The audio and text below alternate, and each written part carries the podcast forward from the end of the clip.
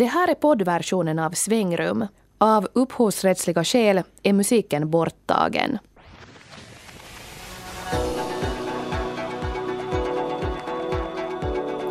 Nu är det dags för livsåskådning med Svängrum.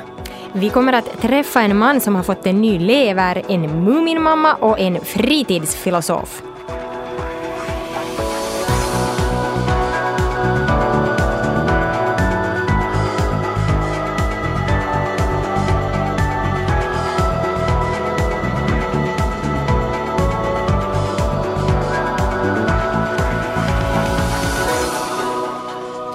Hur bestämmer man vem som ska få ett nytt liv? Hur känns det att gå igenom en organtransplantation och har alla rätt att få ett nytt organ oberoende vad man har utsatt sin kropp för? Allt det här kommer vi att diskutera i dagens svängrum med Anette-Marie Forsström. Jag heter Kira Schröder. Och jag är Linda Grönqvist. Och det här med liv och död kommer också att behandlas i veckans Moralväktare där vi idag träffar skådespelaren Birgitta Ulfsson. När ett foster är så pass stort att det redan har ögon och händer och mänskliga, då, då är det som om det skulle ligga lite mord i luften. Men jag har gjort två aborter i mitt liv.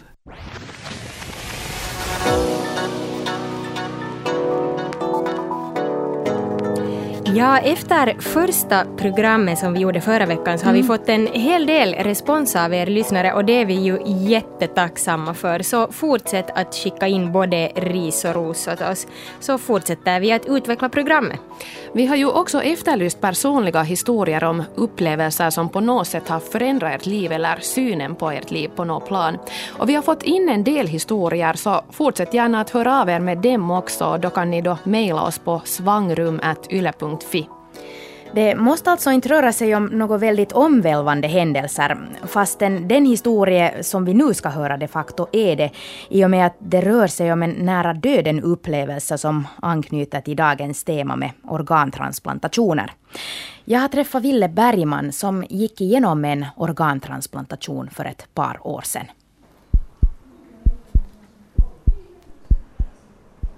Jag tycker inte om ordet alkoholist, för det var jag knappast. Och jag, kanske någon tycker att, att det är rätt åt dig att, att du skulle lika bra kunna dö.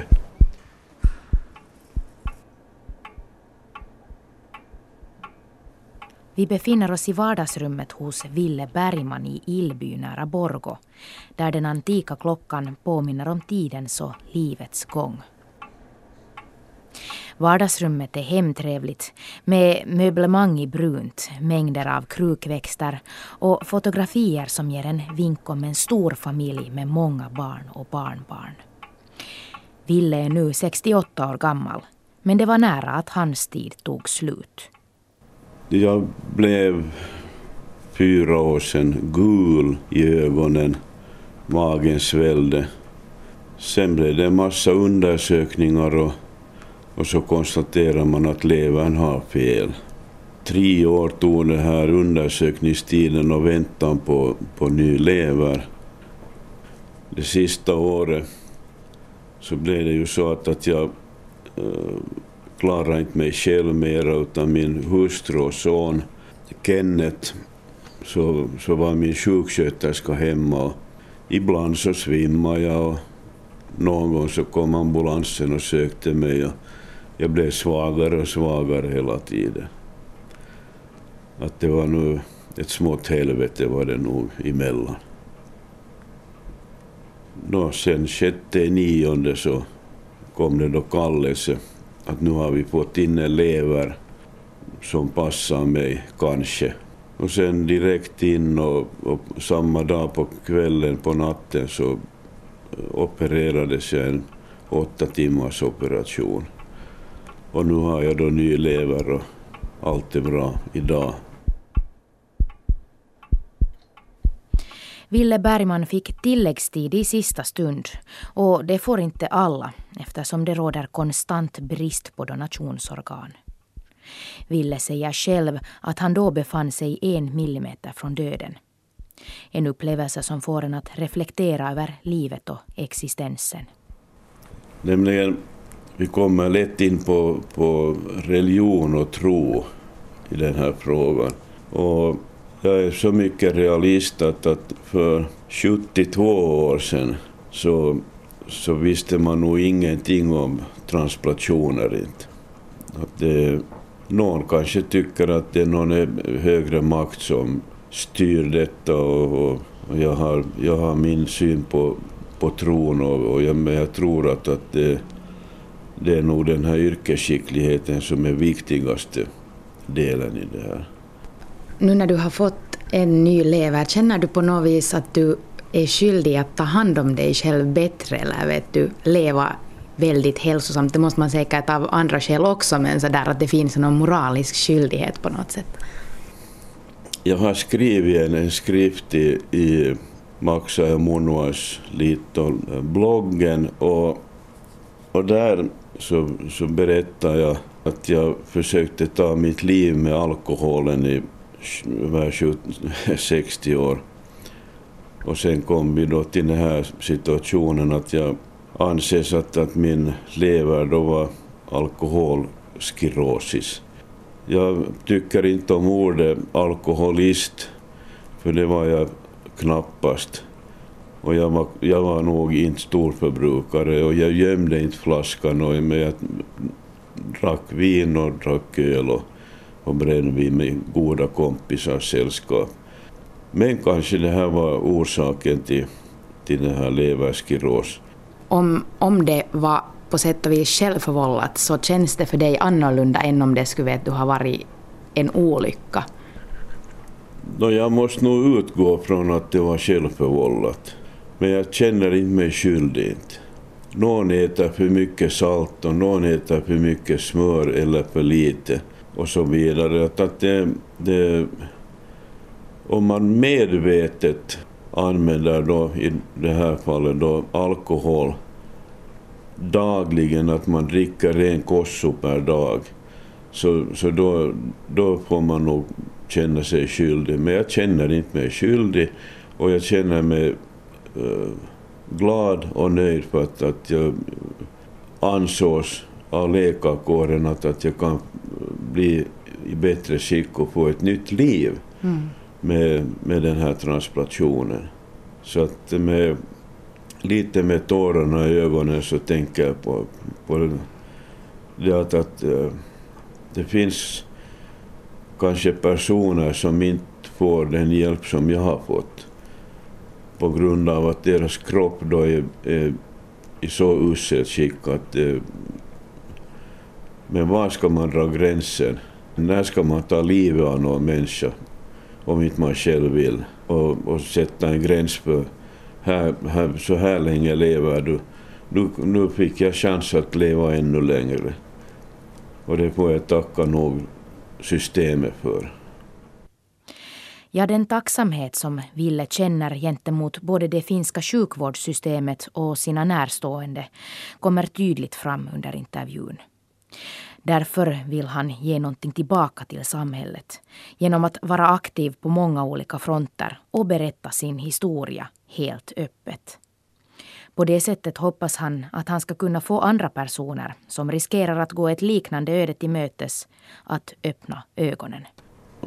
Och sen förstås det att, att, då, att man inte blir dömd, som i mitt fall, som då kanske någon tycker att, att det är rätt åt dig, att, att du skulle lika bra kunna dö. Upplever du på något sätt att du blir dömd? Nej, det, jag upplever det inte. Men samhälle och media så har en, ett konstigt sätt att, eh, att det här diskutera alkoholismen och, och polygobbar. Och vi är alla, alla lika värda. Jag är inte en polygobbe. Men, men det är att man, man det här drar så starka streck och, och gränser att den här människan är en bra människa och den här människan är en dålig människa. Men ett, ett människovärde bör alla ha. Ja, Ville här så han var ju då en av de lyckligt lottade som fick ett nytt organ i sista stund, men det här är ju inte alls någon självklarhet. För tillfället har vi över 300 människor i kö för transplantation här i Finland och årligen så dör mellan 5 och 10 procent i väntan på ett nytt organ. Så det innebär ju faktiskt att det är upp till 30 personer som dör på grund av det här årligen. Men det här har man nu försökt rätta till med en lagändring och Nanette, du har fördjupat dig i den här lagen. Ja, för att råda bot på den här akuta bristen så har man då ändrat lagen i början av augusti och den är ändrad på det sättet att man numera utgår från det som kallas uh, för uh, förmodat samtycke. Det vill säga om du inte uttryckligen under ditt liv har uttryckt att du inte vill donera ett organ, så då, då får kirurgerna ta tillvara dina organ ifall du blir hjärndöd. Och tidigare var det ju då alltså tvärtom, att, att du måste liksom ha skrivit ner din vilja att donera organ för att man skulle få ta dem. Mm. Man kan tänka sig att i det här uh, fallet så som det var tidigare så, så blev det ju då ofta de anhöriga som fick ta ställning till det här när de kanske just hade fått veta att, att deras familjemedlem precis hade dött. Jag kan tänka mig att i det, den situationen så kanske många inte vill, man vill inte på något sätt ge upp fast man vet att den där människan är död och sen säger man nej på något sätt i någon sån där ryggmärgsreflex i den där djupa sorgen. Så uh, jag tycker nog att den här ide, nya lagen låter som en mm. jättebra idé på något sätt, för jag kan tänka mig att de flesta som tänker så här uh, på, hur, på i en möjlig framtid, att om det här skulle hända en, så skulle man på något sätt vara positivt inställd själv till att donera sina organ. Jo, de facto så är det undersökt i flera repriser. Alltså över 90 procent av finländarna säger att om jag skulle bli hjärndöd så skulle jag vilja donera mina organ. Um, det där det är ändå nu för tidigt att säga om lagen har haft rätt effekt här i Finland. Eh, men man vet att, att de europeiska länder som tillämpar principen om förmodat samtycke toppar listan över antalet organdonationer. Ja, jag tror också att det här är en bra idé. Och om jag tänker själv så, så jag har alltid varit väldigt positivt inställd till att donera mina egna organ. Men jag har ändå inte fått mig till att fylla i det här kortet då när det krävdes. Kanske därför för att man inte riktigt vill tänka på sin dödlighet medan man ännu lever. Mm. Men uh, för att ta reda på lite, pejla stämningarna kring den här lagändringen så gick jag ut på stan i Åbo och frågade vad människor där anser om lagändringen. Jag tycker det är helt okej för att om man är död så har det nog inte så stor skillnad mer om någon använder ens organ. Så då ger jag gärna bort mina till någon som behöver dem. Vad anser du? tycker att det är ett riktigt bra system nu att, att det är enklare för att nu är det alltid någon som behöver någonting och reservdelar är alltid bra att ha. Uh, jag måste säga att det visste jag faktiskt inte. Uh, jag har fyllt i för uh, sex år sedan, tror jag, 20 år sedan, en sån här, ett kort, ett organ, organtestamentsdonationskort. Okay. Så jag har det fortfarande och jag har inte vetat om att det har ändrat. Men är det bra att det har ändrat? Egentligen tycker jag det mest logiska är att man fyller i om man vill göra. Varför då? Eh, kanske för att det är enklast att komma ihåg. Man kan kanske inte tänka att hela befolkningen ska vara villig att donera och så måste komma ihåg att oj, man måste fylla i en blankett om man inte vill göra det. Mm. Um, har alla, oberoende av levnadsvanor, lika stor rätt eh, till att få till exempel en ny njure eller en ny lever? No, det är ju också en sån sak att i princip borde alla ha, men, men sen om en människa liksom helt medvetet förstör sin kropp och har möjligheten att göra någonting åt det men inte gör det och istället då liksom förstör den och behöver på det sättet då någons annans organ så nog känns det ju lite orättvist på det sättet med tanke på att sen finns det faktiskt många människor som, som helt ofrivilligt har hamnat i en sån situation att de behöver någon annans organ. Ja, jag tycker att alla har rätt att få en ny. Alla har rätt att få en andra chans. Ja, det är ju kanske inte så lätt att svara på den här frågan sådär hux flux när man ställs inför en mikrofon på gatan. Men nu ska vi höra eh, en av de som verkligen har satt sig in i de här ämnena väldigt noggrant och arbetets vägnar så att säga. Eh, och vi ställer oss här nu frågan, hur gör man när man väljer vem som ska få ett nytt liv? På kirurgiska kliniken i Helsingfors träffar jag den tidigare överläkaren och kirurgen Christer Höckerstedt vid Helsingfors universitets centralsjukhus. Han är en av vårt lands främsta experter på organtransplantationer. Under sin livslånga karriär som kirurg har han i flera repriser stått inför etiska dilemman och avgöranden som gäller liv och död.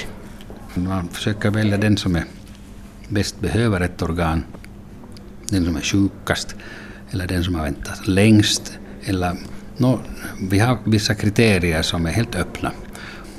Om vi nu tar på en, till exempel en människa som väntar på en, på en ny lever och kan kanske vänta någon vecka eller någon månad eller ibland kan de bara vänta ett par dagar. Så om det är skyndsamt, det är livsfara, så då, då får den här människan, om man säger första bästa levern som finns att få, inte bara i Finland utan hela Norden. Vi har kommit överens om en sån situation när det är riktigt kris snabbt som det behövs en ny lever. Och I sådana snabba situationer, kritiskt svårt sjuka, akuta situationer, så då det liksom går förbi alla i kön annars. Mm. Vanligaste orsaken är att man har en långvarig leversjukdom som som framskrider under 10-15 år kanske. Och de människor kan också vänta längre på, en, på ett nytt organ, på en ny lever. På hur gamla människor till exempel transplanterar man organ?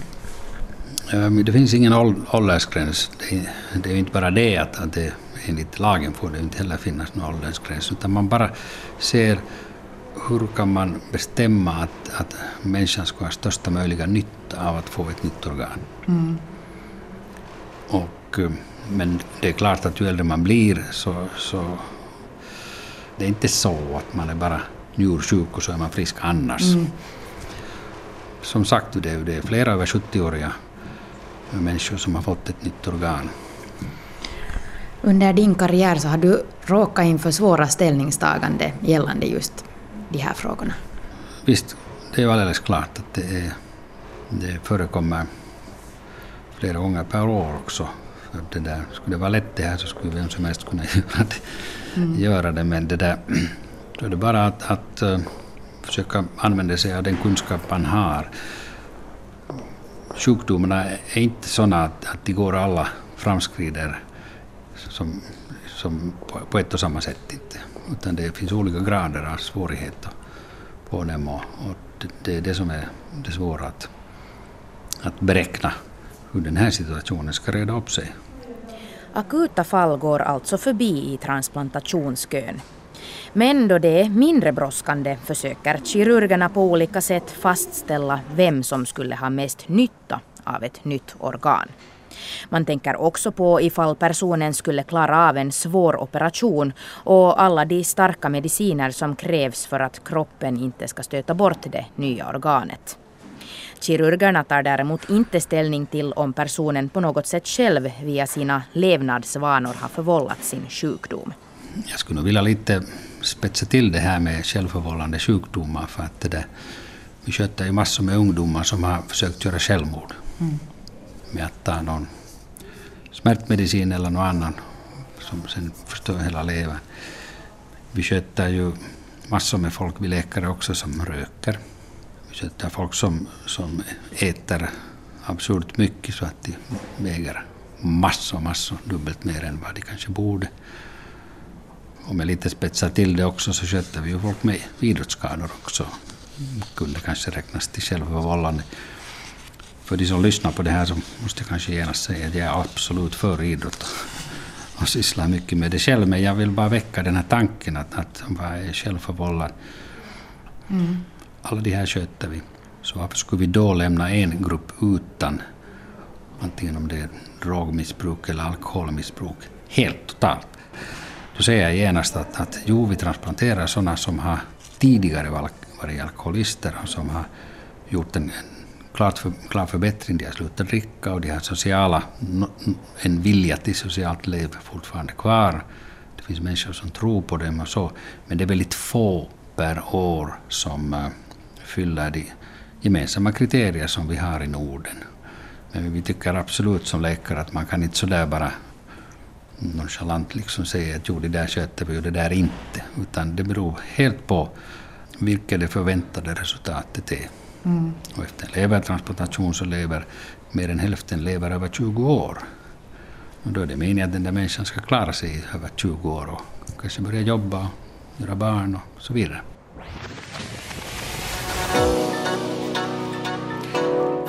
Kirurgerna så är det här ju då en ganska pragmatisk fråga. Det är ju ganska självklart att man utgår från att alla har samma människovärde och lika rätt till vård. Men samtidigt så måste ju läkarna också se till medicinska faktum och, och tänka på det här med just vem som har störst chans att överleva. Mm. Och så borde det ju också vara, det är ju det enda vettiga på något sätt, att läkarna baserar sina beslut på medicinska faktorer och inte till exempel börjar spekulera över vem som möjligtvis skulle kunna göra störst samhällsnytta med ett, ett nytt organ eller så. Då är man ju nog ute på ganska djupa vatten med ganska jobbiga värdeladdningar. Men ändå så avundas jag nog absolut inte de här läkarnas sits för att det finns säkert sådana situationer där det inte finns ett enkelt entydigt medicinskt svar och där man faktiskt måste fatta ganska svåra etiska beslut som ju Höckerstedt också sa här i intervjun. Precis, mm. han sa ju också just det här med att skulle det vara lätt så skulle vem som helst kunna göra det. Att det finns ju en anledning till att läkare har studerat länge och funderat på de här sakerna. 12 år, mm. ja. Ja, vi ska avsluta den här diskussionen om organtransplantationer och liv och död med en låt. Och Ville Bergman som vi hörde här tidigare, så han talar ju om det här att det är nära till hands att man vänder sig till någon form av gud i svåra situationer där man svävar i livsfara. Vilket han ju då inte själv gjorde, utan han sa ju att han lägger sitt han, sina, sitt liv i kirurgernas skickliga händer. Vi ska höra den ryskbördiga sångerskan Regina Spektor om hon sjunger att ingen skrattar åt Gud när de ligger på sjukhuset. Av upphovsrättsliga skäl är musiken borttagen. Programmet du lyssnar på är Svängrum och vi hörde just Regina Spektor. Ehm, jag heter Kira Schröder och jag sitter här med mina kollegor Linda Grönqvist och Nanette-Marie Forsström. Och jag tänkte höra med er vad ni säger om budskapet i den här äh, låten. Tror ni att det är kristet, alltså typ så här att, att om man inte har varit troende tidigare så senast när man drabbas av en tillräckligt djup kris så blir man det nog. Jag tror kanske inte riktigt det. Men... Jag har nog aldrig åtminstone uppfattat Regina Spektor som en kristen sångerska på det mm. sättet. Men att, och, och, sen så tycker jag ändå att hon sjunger så här, eller hon sjunger ju att, att Gud kunde vara kul och skämtsam och, och att man skulle kunna skratta med honom istället, istället för att då skratta åt honom och så här. Så det kan nog hända att här är lite glimten i ögat. Ja, jag tror definitivt att här är glimten i, i ögat men sen så är det kanske ett faktum, åtminstone om man nu har läst kyrkpressen ett antal gånger, att, att det är ganska vanligt att människor kommer till tro. Eh, eller upplever någon slags andlighet eh, då när de drabbas av någon kris eller, eller något sånt. Så att på det sättet kan här ju ändå nog finnas en koppling till verkligheten. Ja, men, men sen om man tänker sådär att om man nu inte annars har överhuvudtaget sådana tendenser så kan, kan jag inte föreställa mig att man sen mitt i allt skulle komma till tro bara sådär hux flux när det blir riktigt svårt i livet. Att jag kan åtminstone inte själv personligen föreställa mig att jag mitt i allt skulle börja bli troende om jag skulle sväva Nej. på en lina mellan liv och död. Nej. Ja. Sen kan jag tänka en helt annan sak, att, att jag börjar tänka så här att, att om jag själv skulle vara Gud, vilket jag då naturligtvis inte är, så då skulle jag kanske tycka om den här sången just på det planet att, att jag kanske skulle tycka att det skulle vara lite störande att människor vänder sig till mig främst när de på något sätt känner att nu behöver de mig, att nu har de det svårt. Att då skulle jag tycka att det skulle vara mycket roligare om de också skulle vilja i så fall dela sina uh, glada och positiva stunder och, och också kunna skratta med mig. Mm. Mm. Men uh, om ni vill diskutera budskapet i den här sången så kan ni gå in på vår blogg där det just nu uh, diskuteras väldigt häftigt allt möjligt faktiskt mellan himmel och jord. Bland annat eh, så diskuteras det ifall agnostiker bara är fega ateister och vad riktigt definitionen på agnostiker är. Det är ett av de, de mm. inläggen som har fått allra mest kommentarer. Jo, som agnostiker så känner jag ju mig aningen träffad här av, det, av det här påståendet. Men jag tänker inte här och nu redogöra för hur jag har svarat på det här blogginlägget, utan det tycker jag att ni ska gå och läsa på svenska.yle.fi svangrum delta gärna själv i diskussionen och berätta vad ni tycker. Uh, vad anser ni till exempel, är det rätt att döda djur i konstens namn? Det diskuterar vår bloggare Jenny Wik och muslimska Milla Friman funderar på när den rätta tiden att gifta sig och att skaffa barn är. Så gå in och delta i diskussionen. Mm. Och senare här i sändningen så ska ni få träffa två av de här bloggarna.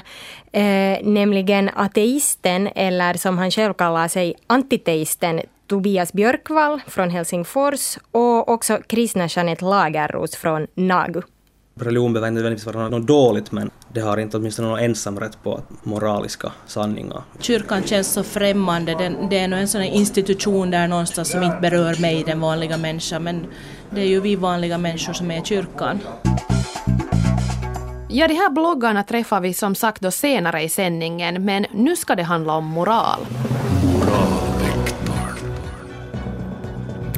Ja, nu är det dags för Moralväktaren där vi låter olika samhälleligt intressanta personer svara på frågor om moral och etik.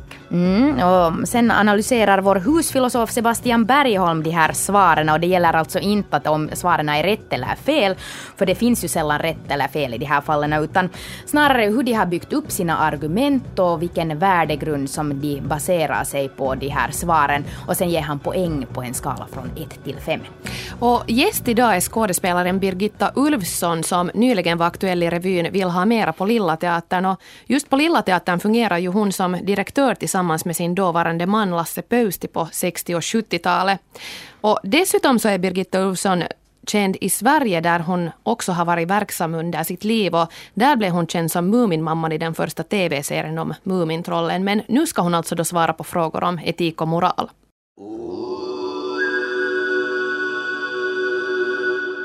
Birgitta Ulfsson, du är gäst i Moralväktaren den här veckan. Hur känns det? Jag känner inget, inget, inget problem med det på något sätt. Det är ju roligt att ni vill fråga mig om saker. Okej, då sätter vi igång.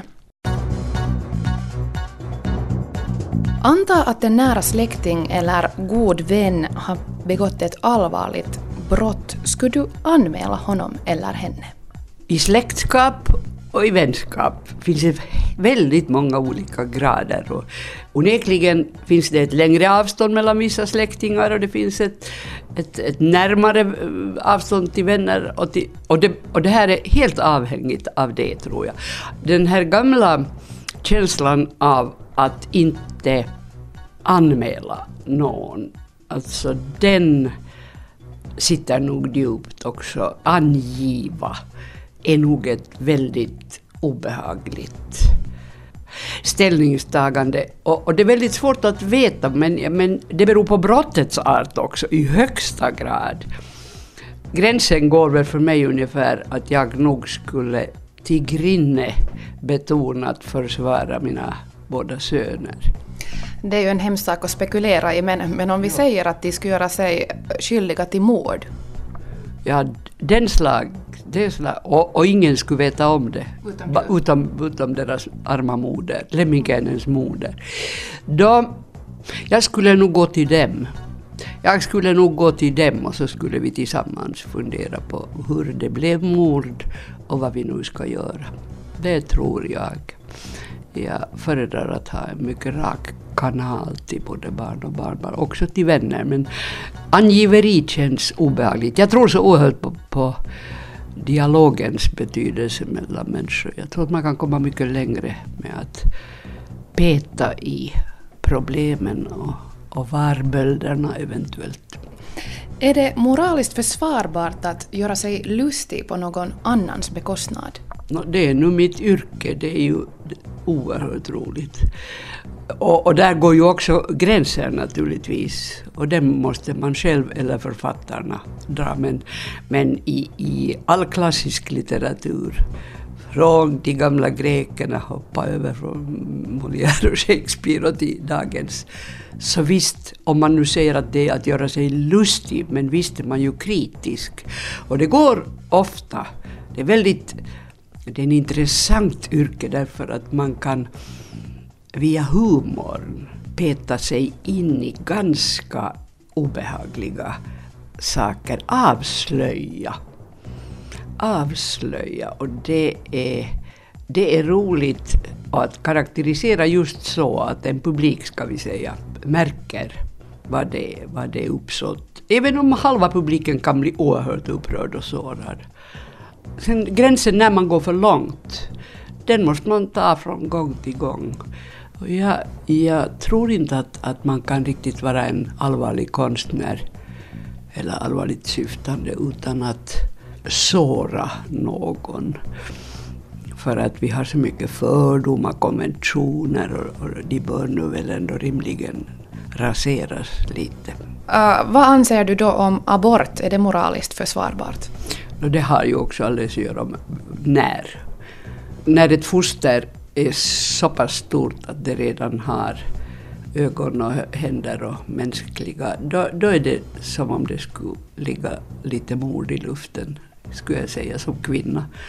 Men jag har gjort två aborter i mitt liv och de var alldeles i början. Och det hängde mycket ihop med att att då på 50-talet så fanns det ju inga p-piller och ingenting, bara jag sa vänligt goddag, eller vad jag nu sa åt min man så blev jag gravid liksom. Så det var, det var en, en, ett oerhört plågsamt tid. Och, och, då, och samtidigt spelade jag på teater alla kvällar och hade två barn redan. Så att det var, men men, men det, det, nu har jag ju någon gång funderat, men då kändes det så absolut självklart att oj, här var nu en, en, en liten olycklighet helt enkelt. Så, så att eh, abort är nog också en fråga om, ett, ett, om, inte, om inte finns, alltså det kan ju finnas förfärligt motiverade aborter. Det mm. måste ju finnas. I, eftersom kvinnan är den som står där och tar lyra så, så, så, så är det ju, kan det finnas alltså verkligen behjärtansvärda. Men jag tror att det för en kvinna, jag är säker på det, att om man aborterar och tar en,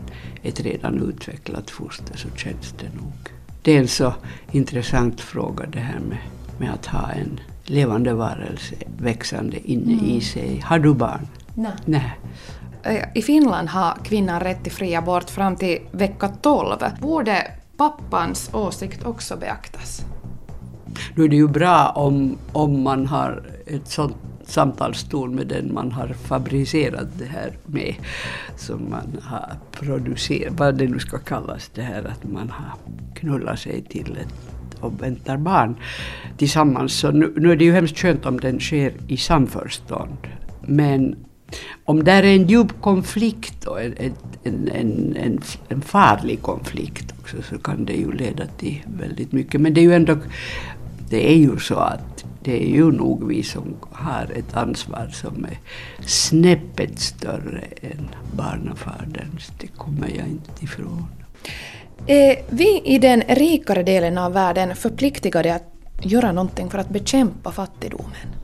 Jo, men hela tiden. För om inte vi är fullständigt korkade så bär vi på ett stadigt ont samvete, ett dåligt samvete för att vi har det bra.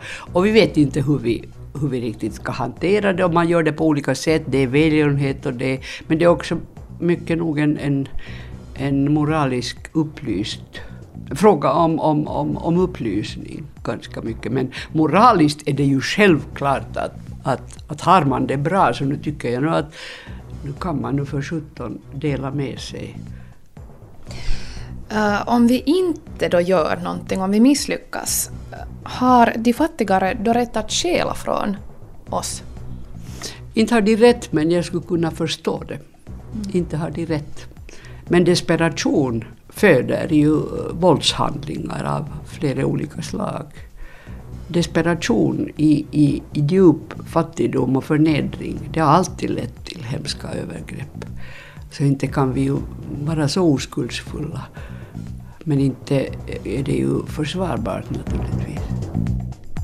Okej, tack så mycket. Mm. Då var vi klara med de här frågorna. Då tänkte jag fråga dig, hur tycker du själv att det kändes att svara på de här frågorna? Det här var ju ett trevligt samtal. Så var det med det. Inte det, någon. Det här var ju inga svåra frågor ens. Vår husfilosof kommer att lyssna på dina svar och analysera hur du argumenterar. Mm. Vad tror du att han kommer att säga? Ingen aning. Jag var ju bara öppen och spontan. Inte så att jag här och garderade. Hade jag gjort det så skulle jag ju ha varit både slipad och, och, och, och garderad och, och tänkt på hur jag skulle ha sådär spekulativt skickligt svarat. Då säger jag välkommen till vår husfilosof Sebastian Bergholm. Tack. Vi hörde just eh, Birgitta Ulfsson här svara på olika moraliska frågor och hur tycker du att hon klarar sig? Jag tycker att hon klarar sig bra. Jag tycker att någonting vad jag antar vara hennes karaktär eller personlighet färgar av sig eller syns i det mesta av vad hon svarar. Det finns en, mm. en klar logik skulle jag vilja säga i hur hon resonerar kring de här moralfrågorna. Ja, om vi börjar med den här frågan om angiveriet. Ja, det är ju en sån här sak som man är benägen att hålla med om, att angiveri är någonting fult. Du frågar ju att hur hon skulle reagera om någon nära släkting uh, skulle där begå ett allvarligt brott. Hon var lite vagt inne och funderade på avståndets betydelse och, och, och, kom fram till att om det är hennes söner så skulle hon till grinne försvara dem. Uh, det kan man ju sådär i praktiken förstå men sen är jag kanske lite tveksam i om det här avståndet egentligen är så, så avgörande för, jag menar säg nu som du sa att en människa skulle ha begått ett mord till mm. exempel, uh, varför man ska dra gränser. Men hon räddade ju med att så att säga introducera det enda rimliga i lösningsväg, alltså att gå till de här sönerna och diskutera med dem. Hon betonar att hon tror på dialogens makt och det gör jag också. Jag tror inte att det finns något skäl att så att säga ange dem utan att så att säga kolla vad de tycker om saken, hur de skulle reagera för att sist och slutligen det är deras själ som står på spel. Det är de som har begått det här brottet också deras uppgift skulle jag vilja säga att göra rätt för sig och ange sig själv eller överlämna sig åt rättvisan och erkänna att det de gjort har varit fel och att de inser det. Sen kan man ju förstås fundera om brottet inte skulle vara så allvarligt, säg om sonen skulle ha kolliderat en bil på mm. parkeringsplatsen och låtit bli att det där anmäla det och stuckit från platsen och, hon som mamma skulle ha fått reda på det då skulle man kanske liksom med lite empati kunna tänka sig att den här kraschade bilens ägare kan hamna i ekonomiska problem eller vad det nu kan vara frågan om. Och där tycker jag kanske att en, ett angiveri kommer in eh, som en helt sådär tänkbar möjlighet just för att konsekvenserna kanske inte skulle vara så farliga för sonen eller släktingen. Just om brottets art inte är så besvärligt. Men ja, jag tycker att hon klarar sig bra i den här frågan, liksom hon också gjorde i nästa fråga om man får göra sig lustig på en annan persons bekostnad. Precis, hur, hur tänker du där kring hennes argumentation? Nå, att hon i sin yrkesroll har funderat väldigt mycket på det där. Och det där kanske gör den här viktiga begreppsliga kopplingen, alltså att, att det roliga egentligen inte handlar om att roa bara, utan det roliga egentligen är detsamma som kritiskt synande. Alltså hon, hon fördjupar, tycker jag, det här komikens väsen på ett bra sätt. Och så att ja, det här tycker jag också att hon var bra faktiskt. Nå, om man tänker på de här frågorna kring abort, där verkar hon ha en ganska så personlig, ett personligt sätt att förhålla sig till frågorna. Ja, hon hade ju personlig erfarenhet och det här är väldigt svårt att säga i vilken mån den erfarenheten så att säga formar hur hon tänker på det. Hon, hon gör ju en stor skillnad mellan eh, om, om det här fostret ännu är en, en cellklump eller om det börjar likna en människa, om den har hunnit utveckla sig tillräckligt mycket. Det här har jag väldigt svårt att sätta mig in i, måste jag säga, men jag skulle, jag skulle förmodligen argumentera som hon, men, men det är ju många saker som kommer in för att också den här cellklumpen är potentiellt en människa på samma sätt som det ofödda barnet. Och i vilket fall som helst så beslutar man över en annan människas liv när man än gör den här aborten. Eh, hon betonar ju den här kvinnliga erfarenheten som jag då, som man inte kan ha, men att det där är ju, som hon också säger, från fall till fall. Eh, mm. I vilken mån kvinnan alltid hur, hur, hur var det hon nu beskrev det? Nå, I alla fall ansvaret är snäppet större tror jag hon sa. Det stämmer säkert ofta att, att kvinnor lämnas med ett för stort ansvar. Att, att männen schappar helt enkelt och inte tar det. Men, men jag ser inte varför det skulle vara så. Speciellt nu för tiden med feministisk forskning och, och kanske också en, ett manligt uppvaknande i de här frågorna. Tycker jag inte att det behöver vara så. Jag tycker att, att ansvaret ska vara lika stort förstås. Och, och, Okej, det här kan man ju tycka hur man vill om, men att hon argumenterar kanske inte riktigt va, mm. för varför kvinnans roll måste vara större. Den har säkert varit så historiskt sett och, och, och slutsatsen funkar på det sättet. Men, men, men här, här, är det vissa bollar som blir kvar i luften som, som man kanske skulle ha kunnat plocka ner. Nå, om vi går till den sista frågan då som, som handlar om vi den rikare världen är förpliktigade att hjälpa de fattiga? Nu här är hon ju ganska klar att, att, att vi måste ha ont samvete över hur, hur världen ser ut om vi inte är fullt korkade. Eh, men hon säger också att vi måste ha ont samvete för att vi har det bra. Det här är ju ett lite lustigt sätt att uttrycka det. För att jag tycker kanske inte att vi måste ha ont samvete för att vi har det bra, utan för att någon annan har det väldigt dåligt. Och när ja. man har sett det så kommer ju förstås ens, ens egen välfärd in.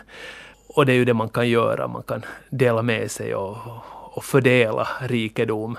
Sen tycker jag att det är lite svårt uh, att nysta ut också hur hon tänker när hon säger att, hon, att, att de fattiga inte har en rätt att stjäla av de rika, men att hon förstår att mm. de gör det av desperation.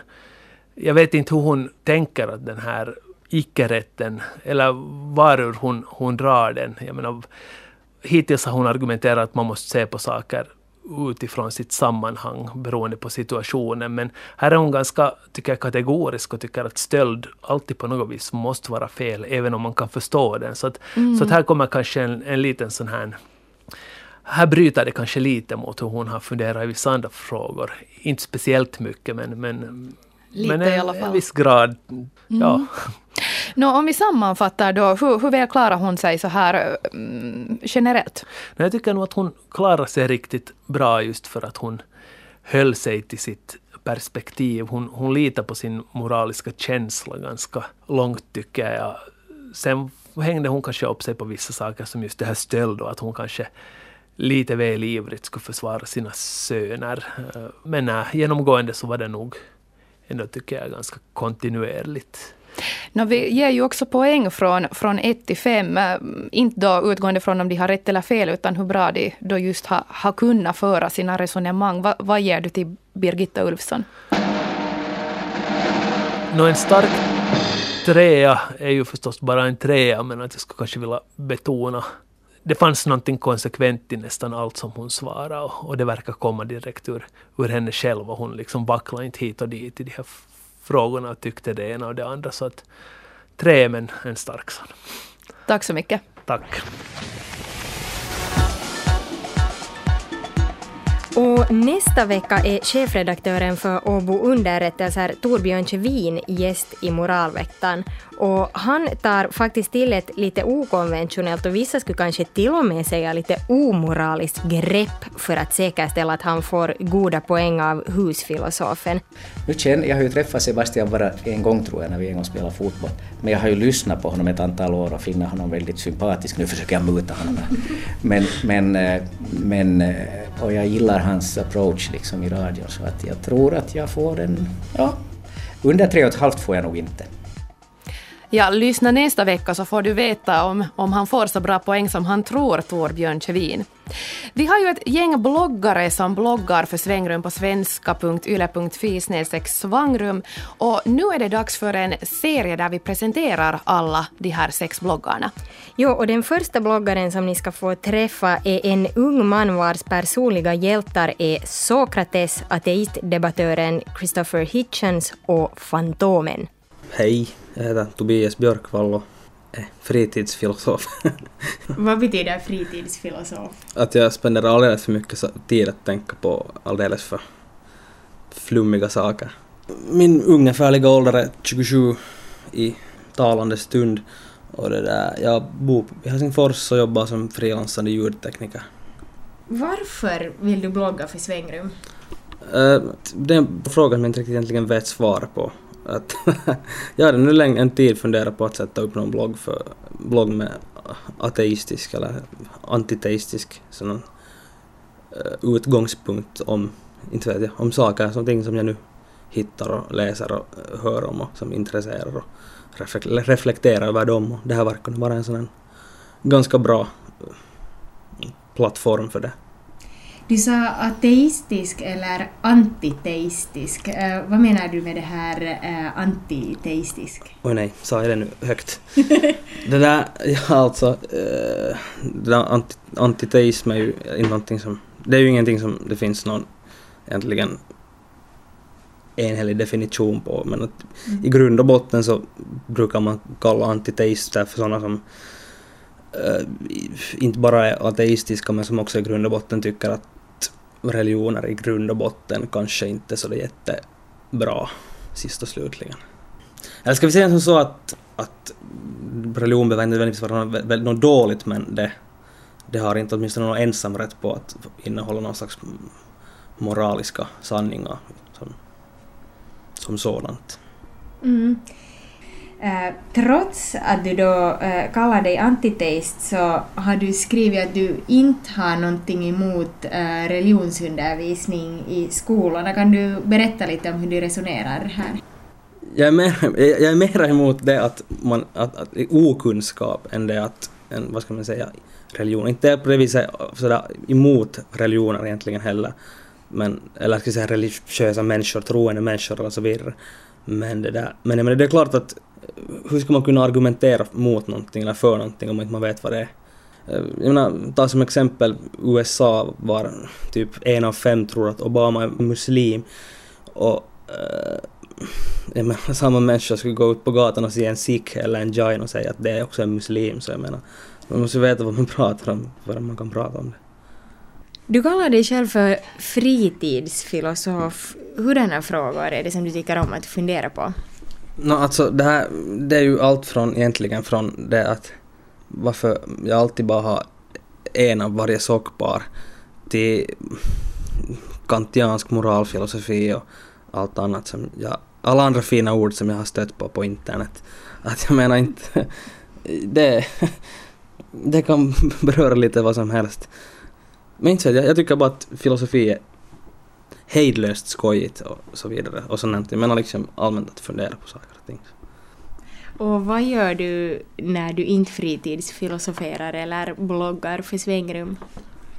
Uh, det finns ingen sån tid. Ja, jag jobbar eller uh, ja, lyssnar på musik, gör musik. Okej, okay, jag gör inte musik men jag sportar med att ha svårt att uttrycka mig och Ja, och titta på fotboll. Oh yeah. Ja, Tobias Björkvall är en ung man som uttrycker sig väldigt underhållande och humoristiskt. Och vi tänkte läsa en liten bit ur ett inlägg där han har funderat på det här med om det egentligen är någon poäng när folk med väldigt olika livsåskådning diskuterar eftersom man ändå ganska sällan lyckas övertyga det motsatta lägret. Mm, så här låter det.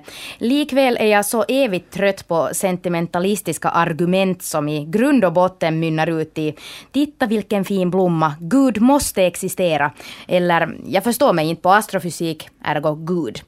Nej, det kommer inte att få mig att ignorera flera tusen års samlad kunskap om universum, cykla till närmaste kyrka och sätta mig i en cirkel och sjunga Kumbaya. För jag antar att det här är det ni teister sysslar med mest hela tiden. Yes? Och just det här med Kumbaya är ju lite roligt för det har sen andra bloggare spunnit vidare på. Den här sången tycks ju vara populär bland många och också kanske har förändrats genom tiden. Att den är inte riktigt likadan som tidigare nödvändigtvis. Men nu ska ni få träffa vår nästa bloggare som kommer från Väståboland. Du fick spela ledigt från kassan. Nu är jag med. Och servicestationen i Nagu är det full rulle vid lunchtid. Men Jeanette Lagerros verkar inte ha några problem att hålla många bollar i luften. Jag heter Jeanette Lagerros, är 34 år, jobbar på macken i Nagu jag tror att jag inte ska göra det som en reklam. Alla vet vilken mack det är. Eh, jag har jobbat i församlingen i åtta år, nu för tiden sitter jag där som förtroendevald. Jag är köraktiv, amatörteateraktiv, ordförande i ungdomsföreningen, sysslar med lite allt möjligt. Jeanette kommer inte att blogga om någon utstakad agenda, men vissa frågor känner hon speciellt starkt för. Rasism är ju förstås en sak som, som berör sen fördomar överlag. Manligt, kvinnligt, jag är väl nog lite av en feminist. Så, så, sådana saker som stora livsfrågor. Du har sagt tidigare att du har en massa åsikter om samhället och, och hur tro behandlas. Hurdana frågor gällande det känner du speciellt för? Jag är nog mycket pro kvinnliga präster, det har ju varit aktuellt på sistone och, och sen eh, den här eh, homosexualiteten i kyrkan så har ju varit ett stort diskussionsämne. Och sen överlag det här att kyrkan känns så främmande, den, det är nog en sån institution där någonstans som inte berör mig, den vanliga människan, men det är ju vi vanliga människor som är i kyrkan. Du nämnde den här debatten om homosexualitet och kyrkan. Var står du där? Jag tycker att dörrarna ska vara öppna och alla ska vara välkomna. Hur påverkar din egen tro din vardag? Du har i din presentation för oss sagt att du är kristen. Inte vet jag om den påverkar så jättemycket men den finns ju där. Det är liksom det är sådär som att jag har brunt hår och blå ögon. Det, det finns där, inte påverkar det dagen dess mera. Jag är inte en aktiv kyrkogångare, jag sitter inte i kyrkbänken varje söndag. Men att det, det är en grundton.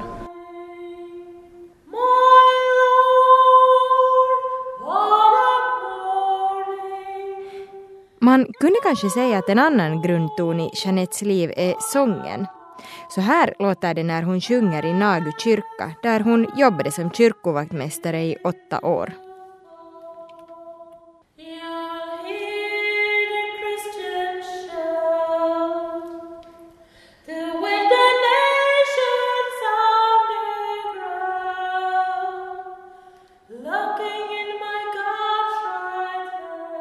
Hurdant får man se och höra som kyrkovaktmästare i Nagu?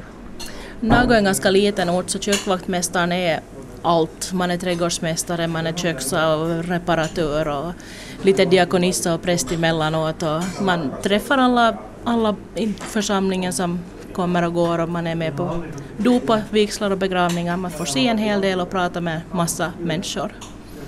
Har du några speciella minnen från kyrkan eller tiden som vaktmästare? Ett bra minne är ju tanten som förlorade sin man och, och, jag hade aldrig sett henne förut. Men i och med begravningen så blev hon då bekant och sen träffades vi på gravgården ibland så här när hon kom och besökte graven och, och det blev alltid en liten pratstund med henne och, och hon blev alltid så glad när jag kom ihåg att hon hade gått till doktorn och frågat hur var det med det då och så här, de här personliga mötena. Det var allt för den här gången och i nästa svängrum ska vi ta an ämnet religionsundervisning i skolan. Idag ska nämligen all religionsundervisning vara icke-konfessionell. Men vad står det egentligen i läroböckerna? Det ska vi titta på närmare nästa gång. Mm, och fortsätt höra av er till oss uh, om ni vill höra av er per e-post så är adressen svangrum.yle.fi eller sen då traditionell post så är adressen svängrum postbox 61 000 24 rundradion. Det var allt för den här gången. Uh, vi hörs igen nästa vecka. Hej då! Hej då! Hej då!